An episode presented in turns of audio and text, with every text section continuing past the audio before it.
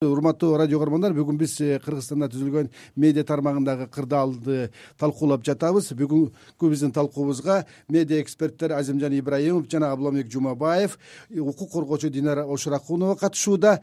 Э, менин суроом э, азимжан мырза сизге да. Мына бүгүнкү кыргызстанда түзүлүп жаткан медиа тармагындагы кырдаалды бул маалымат каражаттарынын тегерегиндеги кыйчалыш учурду. Бул эл аралык деңгээлде кандай таасири болушу мүмкүн? Бул кыргызстандын демократиялык э, принциптерине баалуулуктарына сөз эркиндигине болгон чоң э, сокку деп бааланат. Кыргызстандын рейтинги мындан ары дагы түшөт деп атат да. Сиздин пикириңиз кандай? Э, мен ойлойм да кыргызстанда ушундай бир коомдук көп талаш тартыштар моундай медиа э, коомчулук менен бийликтин ортосундагы айрымда тирешүүлөр айрымда атаандаштык менен болгон моундай маалыматтык бир согуш дейбизби маалыматтык бир тирешүүлөрдүн баарысы тең. Бул кыргызстандагы демократиялык абалдын абалдан бир кабар берип турат.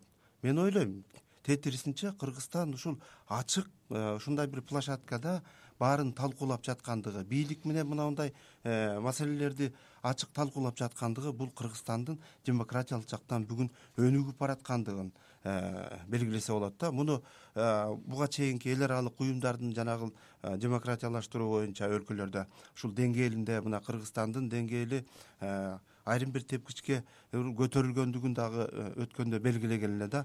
Мен бир мисал келтире элем да ушул коңшу өлкөлөрдүн журналисттери менен биздин жолуккан учурларыбыз болот да.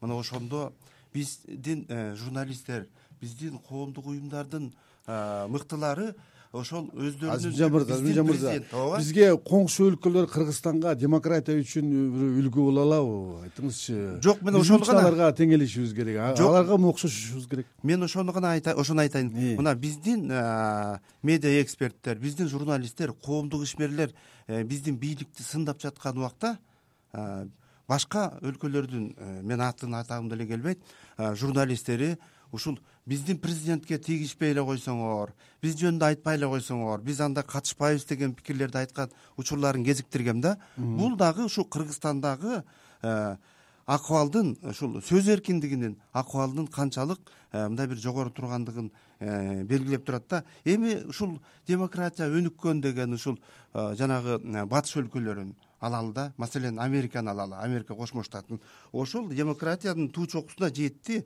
ошол үлгү болуп жатат деген америкада мына эгерде жалаа жапса бирөөлөргө массалык маалымат каражаттары э, жанагындай фактыларды туура эмес бере турган болсо журналист он жыл эркинен ажыратылат экен. Же болбосо эки жүз элүү миң доллар айып тартыш керек экен. Э, францияны алалы. Францияда ушундай жалган жалаа бергендиги үчүн кырк беш миң евро айып тартат. Же беш жыл түрмөдө отурушу керек швецияда жалган жалаа үчүн же болбосо дискредитация үчүн мазактап шылдыңдаган үчүн бирөөлөрдү. Ал ал жакта дагы ушундай администрациялык э, бир жазаларга тартылат. Англияда дагы ушу администрациялык жазага тартылат же эркинен ажыратылат да. Мына ушунун баарысы тең бүгүнкү күндө кыргызстанда эле эмес. Өнүгүп жаткан өлкөлөрдө дагы бул сот э, бийлиги эң жогору турарын сот гана ушинтип э, акыркы чечимди чыгараарын жана ушундай процесстер буга чейин бизге чейин эле болуп келгендигин кыргызстандын өзүндө дагы ушундай сот чечиминин негизинде журналисттер ушундай бир жоопкерчиликке тартылганын билебиз да. Сөзүңүзгө абламек мырза мына ушундай э, кыйчалыш э, кырдаалда э, медиа менен бийлик эмне кылыш керек? Мисалы үчүнчү кандай аракеттер жасаш керек? Бийлик эмне кылыш керек? Жарандык коом коомчулук эмне кылыш керек? Биздин демократиялык баалуулуктарды кантип сактап калабыз эгерде ошондой оор кырдаал болсо анда э, негизи э, биз мынакей э, жана көз карандысыз журналисттер союзун түзгөн себебибиз ушунда болчу. Мындан бир эки жыл мурун эле ушул мамлекет башчыбыз өзү ушу журналисттер менен тирешип ошолор менен ушу ачык мейкиндикте кайым айтышып калган бир деңгээлге жетип калганда ушул биз журналисттер өзүбүздүн ушу кесиптик маселелерибизди э, болгон проблемаларды жанагындай э, аша чаап кеткен нерселер болсо атайын кылып жаткан наадандык менен кылып жаткан бир нерселер болсо ошолордун баарын ушу өзүбүздүн чөйрөбүздө талкуулайлык ошол жерден бир э, баягы президентти дагы ошондой ага деле аброй алып келбеген бир кырдаалга калтырбайлы деп ушул журналисттер союзунун ишин жандандыралы деп бир аракеттерди жасап демилге көтөрүп ошо азыркы жана журналисттер союзунун төрагасы жалгыз эле калган чынын айтканда. Эч кандай иш жүргөн эмес. Ал өзүнүн мойнуна алган биз бир нече жолу ошол жолугушууларды өткөзгөнбүз. Ал жерге да келип ал ошол нерселердин баары айтылган.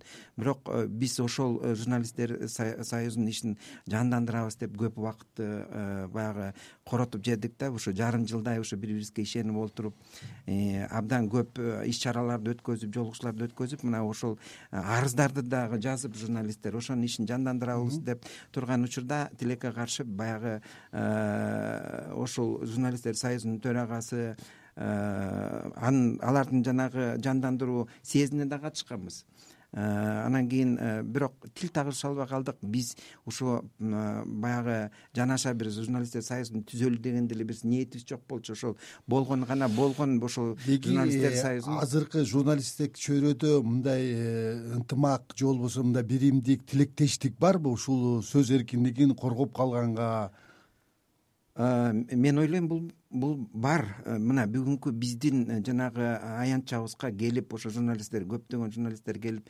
өздөрүнүн ойлорун айтып кетип атышты. Андан тышкары социалдык тармакта дагы олтуруп алып албетте биз көппүз. Биз биз ар кандайбыз биздин оюбуз да ар кандай биздин көз карашыбыз да ар кандай бирок ошентсе дагы биз мынакей бүгүнкү биздин аракетибиз ушул бир тегерек столго олтуруп баарыбыз тең ошо э, мамлекеттик кызматчылар болобу бейөкмөттөр болобу журналисттер болобу ушул кырдаалга тиешеси бар ошо э, өлкө алдыга өссүн өнүксүн деген адамдардын баары чогулуп ошо э, э, бир баарлашалы деген ниет болчу. Мен ойлойм бул жакшы жол. Биз ушул жол менен мындан ары да басышыбыз керек. Рахмат мен динара айымдан бир маселени сурагым келип атат да. Мына кечээ жогорку кеңеште маалымат каражаттары жөнүндөгү мыйзамга өзгөртүүлөр киргизилип үчүнчү окуудан өттү. Демек кол коюлууга жөнөтөт болсо керек.